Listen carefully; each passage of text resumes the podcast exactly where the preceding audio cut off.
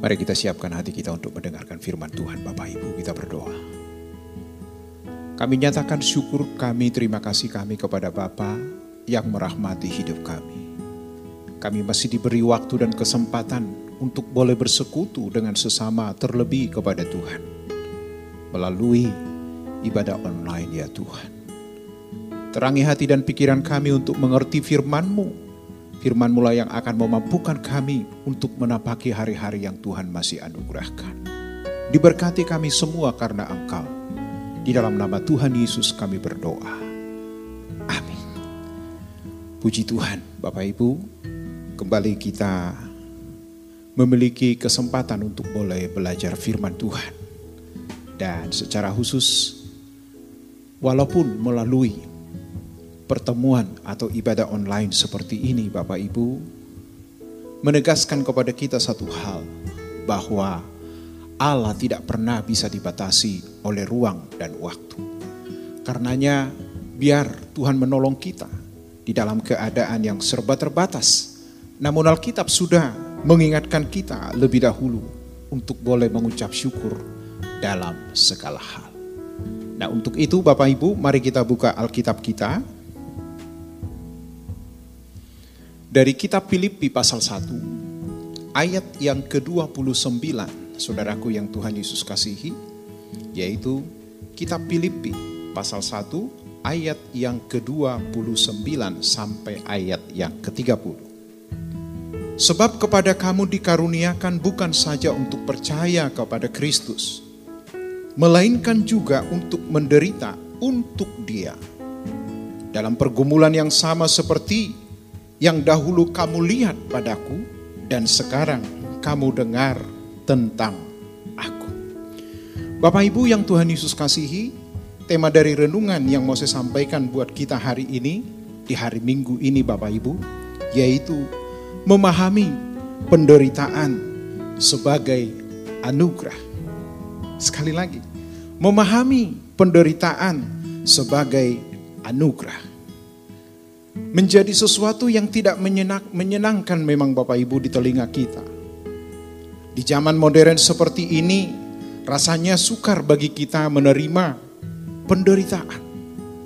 Bahkan seakan-akan menyangkali akan kepedulian dan kebaikan Tuhan atas hidup manusia.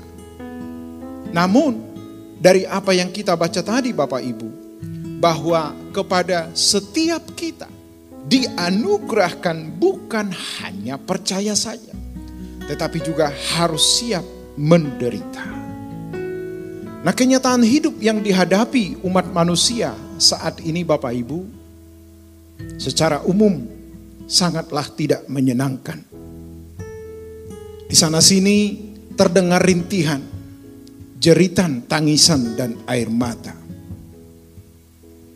Dalam kaca mata agama, Seolah-olah kelihatannya Allah tidak peduli dengan penderitaan yang mendera hidup manusia. Tentu ini menjadi pertanyaan bagi kita. Di manakah Allah ketika kita ada di dalam satu tekanan hidup yang berat? Dalam kondisi kita seperti ini yang masih harus bertarung menghadapi pandemi COVID-19 saudaraku. Tentu akibat dari apa yang dialami manusia secara khusus belakangan-belakangan ini Bapak Ibu. Tentu ini harus menyadarkan kita betapa kita adalah manusia yang sangat terbatas.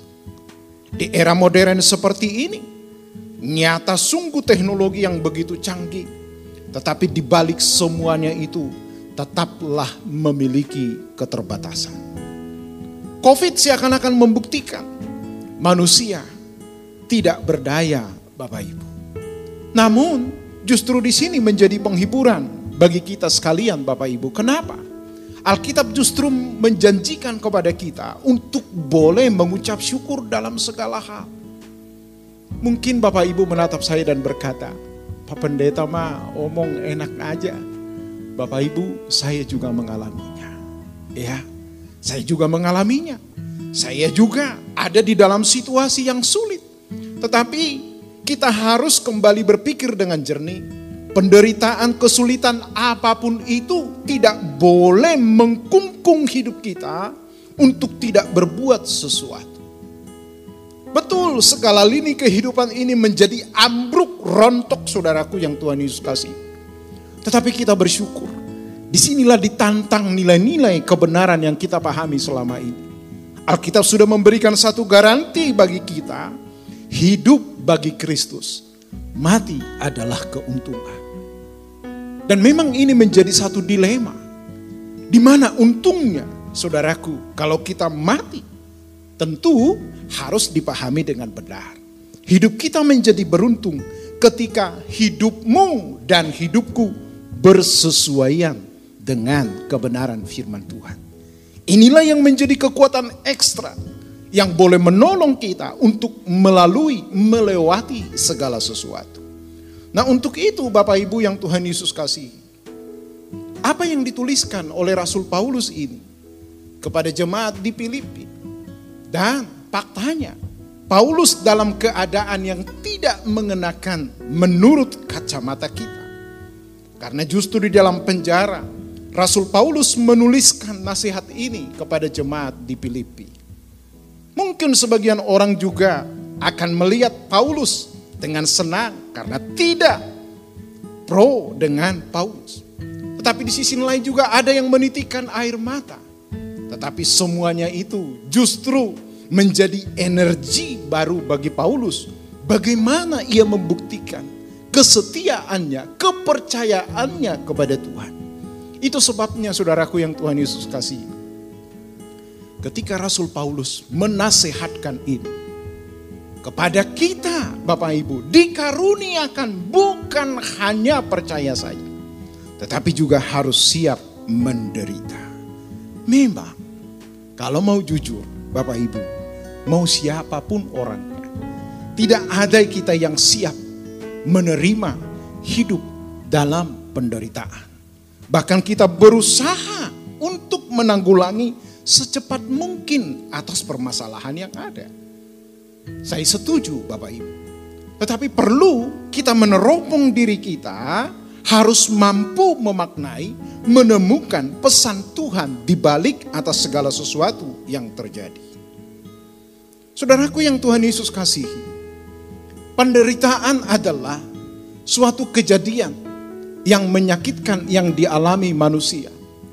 Seperti musibah bencana alam, sakit penyakit termasuk pandemi COVID-19, kehilangan harta, kehilangan orang yang kita kasihi, dan lain sebagainya. Bapak Ibu bisa menambahkan daftarnya.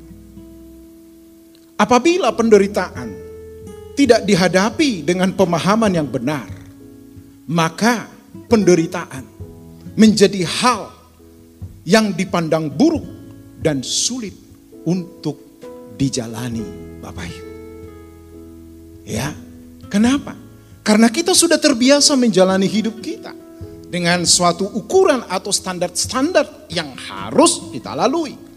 Nah, tiba-tiba dalam keadaan seperti ini Bapak Ibu, kita dipaksa untuk berubah. Dipaksa untuk berubah. Bapak Ibu, semua serba terbatas. Tetapi ingat, Allah tetaplah Allah yang berdaulat atas segala sesuatu, termasuk penderitaan yang dialami oleh manusia. Bapak Ibu, setiap orang memang dapat menjadi kecewa kepada Allah akibat penderitaan yang mereka alami. Oleh karena itu, pada kesempatan ini kita akan sama-sama belajar bagaimana seharusnya orang Kristen yang mengaku percaya kepada Tuhan dapat memandang penderitaan itu secara benar.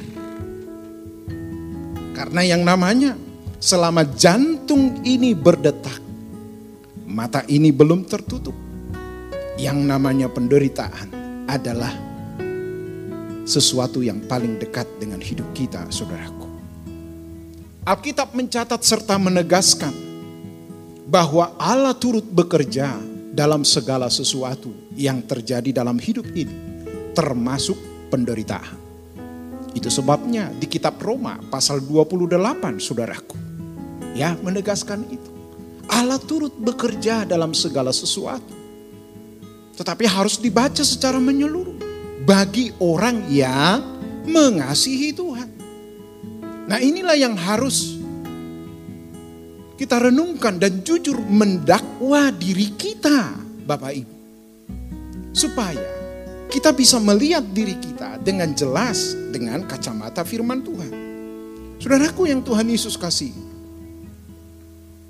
Penderitaan ini memang sesuatu yang tidak mengenakan. Ya, membuat kita menjadi pesimis dalam menjalani hidup ini. Tetapi tahukah kita di balik penderitaan yang kita alami itu harus kita menggali apa yang menyebabkan semua itu terjadi. Nah, untuk itu Bapak Ibu yang Tuhan Yesus kasihi.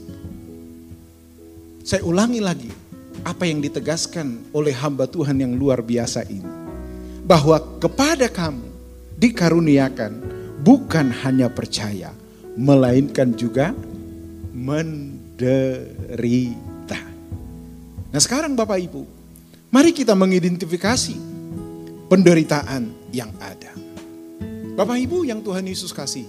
Pertama, penderitaan bisa diakibatkan oleh dosa yang dilakukan manusia. Ketika Tuhan menciptakan manusia, saudaraku dengan sempurna, luar biasa. Sebelum manusia itu diciptakan, segala sesuatu yang menyangkut kelangsungan dari hidup manusia itu, Tuhan sudah siapkan. Lalu Tuhan memberikan perintah untuk ditaati, bukan dilanggar. Tetapi manusia lebih memilih melanggarnya, tidak mentaatinya. Sehingga Alkitab mencatat manusia terjerembab jatuh dalam dosa. Akibat manusia tidak konsisten dengan apa yang Tuhan gariskan Bapak Ibu. Wow, Allah tetap Allah yang maha kasih. Tetapi ingat, kasihnya tidak meniadakan keadilannya. Ya, tidak meniadakan keadilan. Pelanggaran tetap harus ada konsekuensinya. Itu sebabnya Bapak Ibu. Di sinilah kita harus hati-hati dalam memilah-milah apa yang terjadi dalam hidup kita. Penderitaan yang diakibatkan dosa yang dilakukan oleh manusia. Kita tahu ketika bangsa Israel, orang Yahudi, di mana Tuhan berkenan atas yang dituntun menuju tanah perjanjian yang tadinya mereka ada di tanah Mesir sebagai budak. Tetapi saudara tahu, selama melewati tahap demi tahap itu, Tuhan menyapa mereka dengan caranya sendiri. Tetapi justru di situ kita melihat konon semua orang yang ada di Mesir waktu itu, orang Israel maksud saya, ketika mereka mau Tuhan pimpin ke tanah kanaan. Nyaris tidak ada yang lolos. Nyaris Bapak Ibu. Hanya Yosua dan Kaleb. Kok bisa? Padahal mata mereka melihat bagaimana Tuhan begitu sempurna memelihara mereka. Di tengah panas terik yang begitu menyayat, Tuhan hadir sebagai tiang awan atas mereka. Di kegelapan malam, karena mereka harus terus berjalan, ada tiang api yang menyertai. Bahkan saudaraku yang Tuhan Yesus kasih, segala sesuatu yang mereka butuhkan, Tuhan cukupi begitu rupa. Tetapi mata kita harus tercelik melihat fakta ini. Tuhan hadir dengan caranya, keajaibannya tidak mampu menumbuh kembangkan pengenalan yang sejati akan Tuhan. Itu secara umum. Bahkan kita melihat ketika bangsa ini sudah ada di tanah Kanaan, Raja Daud ya juga mengalami penderitaan akibat ulahnya sendiri. Sehingga kita juga bisa melihat di luar istana Daud begitu hebat ya seorang yang dihormati tetapi justru di dalam istana Daud terjebak saudaraku. Daud melakukan dosa. Dia melanggar ketetapan Tuhan. Ya, seharusnya ini juga memberitahu kepada kita bahwa tidak serta-merta penderitaan yang kita alami itu Bapak Ibu ya hanya karena Tuhan mau kita mengalaminya. Tetapi pertama harus kita introspeksi diri. Jangan-jangan ini karena ulah kita. Bapak Ibu, saya memang tidak berani mengklaim bahwa COVID ini ya atas seizin Tuhan. Tidak berani saya mengatakan itu.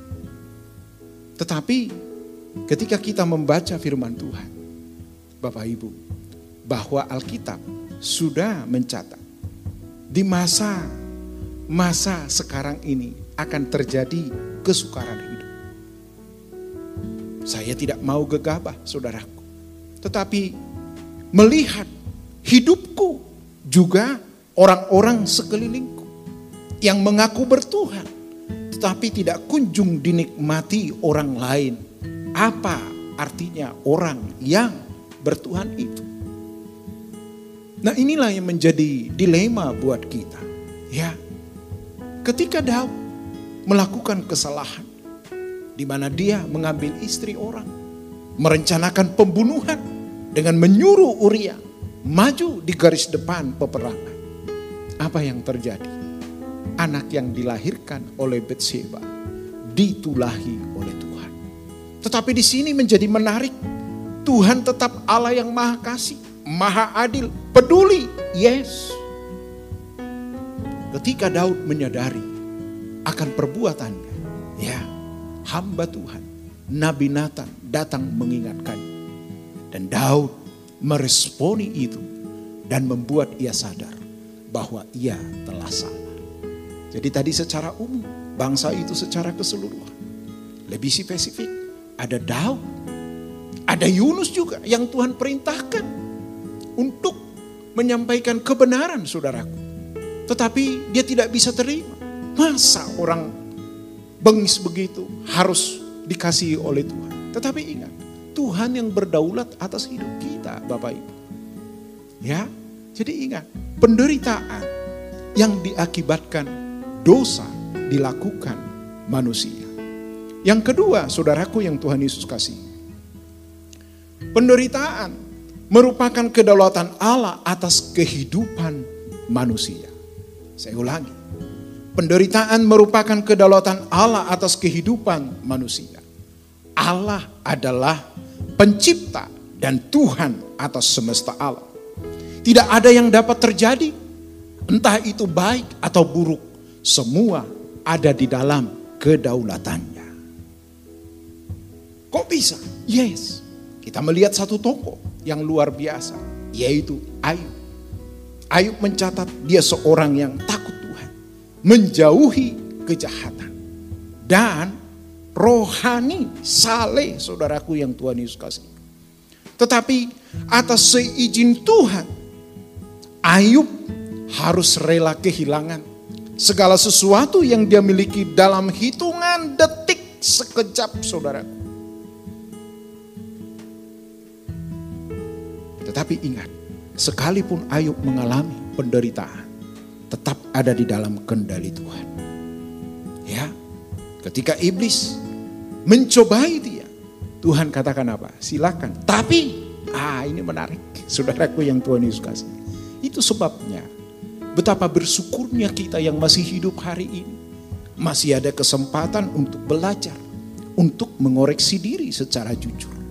Bahkan Alkitab juga dengan tegas berkata kepada kita, tidak ada yang dapat memisahkan kita dari Kristus kalau bukan kita sendiri. Aniaya, penderitaan, ketelanjangan, sakit penyakit. Ingat kalau mau jujur, orang lain juga alami. Tetapi ingat, penderitaan, sakit penyakit, pahit getirnya hidup bisa merenggut nyawa kita. Tetapi ingat, itu hanya membunuh fisik Allah yang menciptakan kita, yang memiliki kita sepenuhnya, berdaulat atas hidup kita. Saya sudah katakan di awal tadi Bapak Ibu. Jikalau hidup ini betul-betul dijalani seperti yang Tuhan mau. Ya, tidak ada yang perlu ditakutkan. Sakit boleh. Kaya, yes. miskin harusnya tidak jadi soal. Karena ingat, segala sesuatu yang terlihat oleh mata kita ini pasti akan kita tinggalkan. Betul Bapak Ibu? Ya, orang boleh bangga dengan rumah mewahnya, mobil mewahnya, bahkan dengan segala sesuatu yang dia punya. Tetapi di balik itu semua tetap ada terbentang satu pesan, semua sementara. Saya sudah menyaksikan bagaimana orang yang berpunya ketika inna illahi nggak ada yang dibawa. Orang yang kurang berpunya sama juga tidak ada yang dibawa. Judulnya tetap sama. Mati saudaraku yang Tuhan Yesus kasih. Bedanya hanya karena orang yang berpunya dan orang yang kurang berpunya, bedanya hanya di seremonialnya saja Bapak Ibu. Tetapi hal ini menjadi menarik untuk kita sikapi dengan adanya COVID-19. Orang sekaya apa pun sekarang saudaraku kalau meninggal karena COVID tetap terbatas. Tidak bisa lagi, tidak bisa. Jadi di sinilah kita tahu bahwa Allah konsekuen dengan tatanannya. Ayub Tuhan izinkan. Tetapi ingat itu semua terjadi atas kedaulatan Tuhan. Tetapi di sini kita melihat, tapi enak Pak Ayub dipulihkan. Eh, jangan salah Bapak Ibu. Inilah kadang-kadang kita langsung mau melihat endingnya. Perhatikan step demi step yang dilalui oleh Ayub. Kehilangan harta benda dalam sekejap. Baru dia mendapatkan laporan itu. Anak-anaknya lenyap saudaraku yang Tuhan Yesus kasih. Bukan cuma itu. Istri Ayub. Tante Ayub, saudaraku yang Tuhan Yesus kasih. Harusnya inilah yang menjadi kekuatan bagi Ayub dalam melewati ketragisan hidup. Justru Tante Ayub pun tidak mampu menerima kenyataan. Ayub sudah jatuh miskin. Sudah miskin, sakit pula. Itu sebabnya istri Ayub berkata, Masihkah engkau tetap tekun menyembah Allahmu itu? Kutukilah dia. Tetapi ayo tetap di dalam komitmennya. Sehingga dia menatap istrinya dan berkata, apakah kita hanya menerima yang baik saja dari Tuhan? Di sini kita melihat istri Ayub tidak bisa menerima kenyataan ini. Mungkin di dunia kita hari ini, istri Ayub ini ada di dalam satu komunitas, kelompok sosialita. Ya, dia sangat terpandang. Wow, dengan apa yang dia miliki. Tetapi ternyata setajir apa pun orang, sehebat apa pun orang, semua ada batasnya, saudaraku. Yang tadinya dia menjadi sorotan di tengah-tengah lingkungannya. Ya, istri Ayub, saudaraku, harus mau menerima kenyataan ini. Tetapi justru dia tidak setegar suaminya. Bagaimana melewati apa yang terjadi? Justru dia memberontak. Sehingga saudaraku yang Tuhan Yesus kasih. Di tengah-tengah penderitaan yang dialami oleh Ayub. Alkitab mencatat. Dia tidak menuduh Allah yang melakukan yang kurang patut. Luar biasa. Di kehilangan yang dialami oleh Ayub dia tidak menuduh Allah melakukan yang kurang patut. Di kehilangan harta benda tidak membuat Ayub murtad dari Tuhan. Di kehilangan yang dialami oleh Ayub justru menjadi celah bagi dia untuk menilik lebih jelas akan kedaulatan Tuhan atas hidupnya. Sehingga dia berkata, Tuhan yang memberi, Tuhan yang mengambil terpujilah Tuhan. Saya yakin tidak serta-merta itu muncul dari mulut Ayub ini. Tetapi bagaimana ia membangun hubungannya kepada Tuhan. Sehingga Bapak Ibu di pasal terakhir dari Ayub. Pasal 42. Apa yang terjadi? Saudaraku yang Tuhan Yesus kasih. Setelah Ayub kehilangan semuanya itu kehilangan harta benda yang melimpah. Anak-anak yang dia sayangi lenyap seketika. Istri yang tadinya menjadi teman pewaris kerajaan. Meninggalkan dia. Tetapi lewat semuanya itu Ayub berkata, selama ini aku mendengar tentang engkau hanya apa kata orang. Tetapi melalui apa yang kualami, aku sendiri melihat engkau. Bapak Ibu yang Tuhan Yesus kasihi, luar biasa. Yang ketiga, saudaraku, yang terakhir, dari apa yang kita pelajari hari ini. Bahwa penderitaan ya diakibatkan karena percaya kita kepada Kristus. Ah, ini level yang paling keren saudaraku. Ya, penderitaan karena Kristus menuntut kita menjadi contoh teladan atas banyak orang. Wow. Bapak Ibu, sebelum ada di level 3 ini, kita di level berapa sekarang? Tidak berlebihan. Kalau saya berkata, kita ada terjebak mayoritas di level 1. Menderita karena ulah kita sendiri. Enggak pak, ini karena Tuhan yang mengizinkan. Yes, tetapi ingat kita harus sampai di tahap ini Bapak Ibu. Penderitaan karena Kristus menuntut kita menjadi contoh teladan atas setiap orang.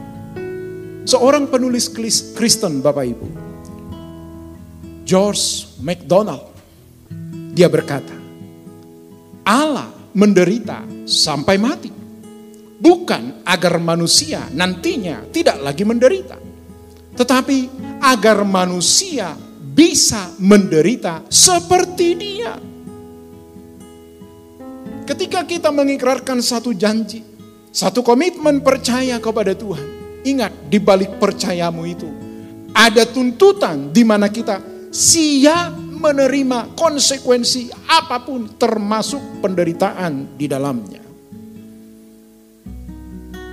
Termasuk penderitaan di dalamnya Bapak Ibu. Jadi menjadi seperti Kristus bukan lagi hanya sebuah slogan.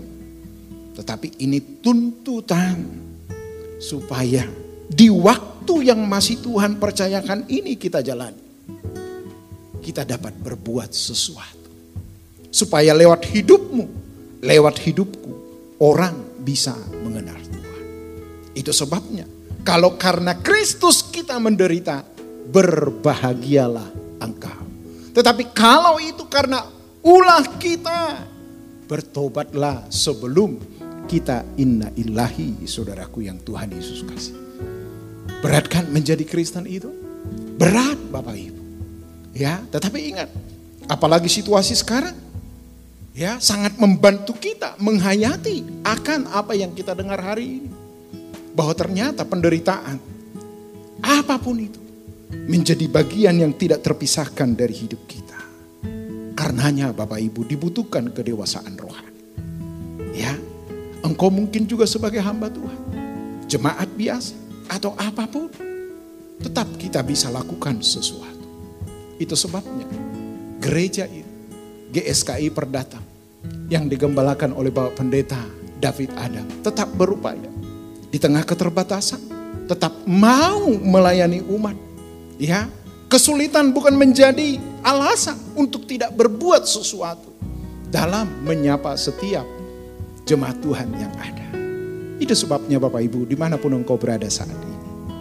Engkau pasti bisa lakukan sesuatu bagi pekerjaan Tuhan di tempat ini. Secara khusus di GSKI Perdata. Tuhan pasti akan menolong kita. Tidak mungkin tidak. Kalaupun hidupmu dan hidupku berakhir karena penderitaan, harusnya tidak jadi soal. Yang penting ketika kita hidup berjalan dalam kebenaran yang sesungguhnya. Akhirnya Bapak Ibu, saya menyimpulkan bagi kita, penderitaan merupakan bentuk perhatian, bentuk kepedulian yang tulus dari pihak Allah kepada kita yang mengaku percaya. Mari responi segala sesuatu dalam kejernihan hati, ketulusan berpikir, bahwa Allah yang kita percayai itu turut bekerja dalam segala sesuatu. Kiranya Tuhan menolong kita Bapak Ibu untuk boleh melewati masa-masa sukar dalam hidup kita. Tetap bertanggung jawab, jalani protokol kesehatan dengan ketat, walaupun tidak mengenakan. Ingat, engkau sedang bertarung bukan untuk orang lain, tetapi juga bagi dirimu sendiri. Akhirnya saya berkata, selamat hari Minggu Bapak Ibu, biarlah Tuhan memberkati kita. Mari kita berdoa. Bapak dampingilah kami terus di dalam menjalani sisa-sisa umur hidup kami. Penderitaan yang ada di depan mata kami saat ini yang belum menunjukkan kesudahannya.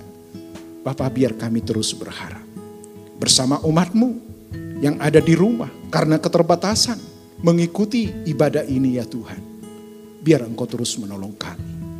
Mampukan kami agar tidak berdosa atas penderitaan yang kami hadapi.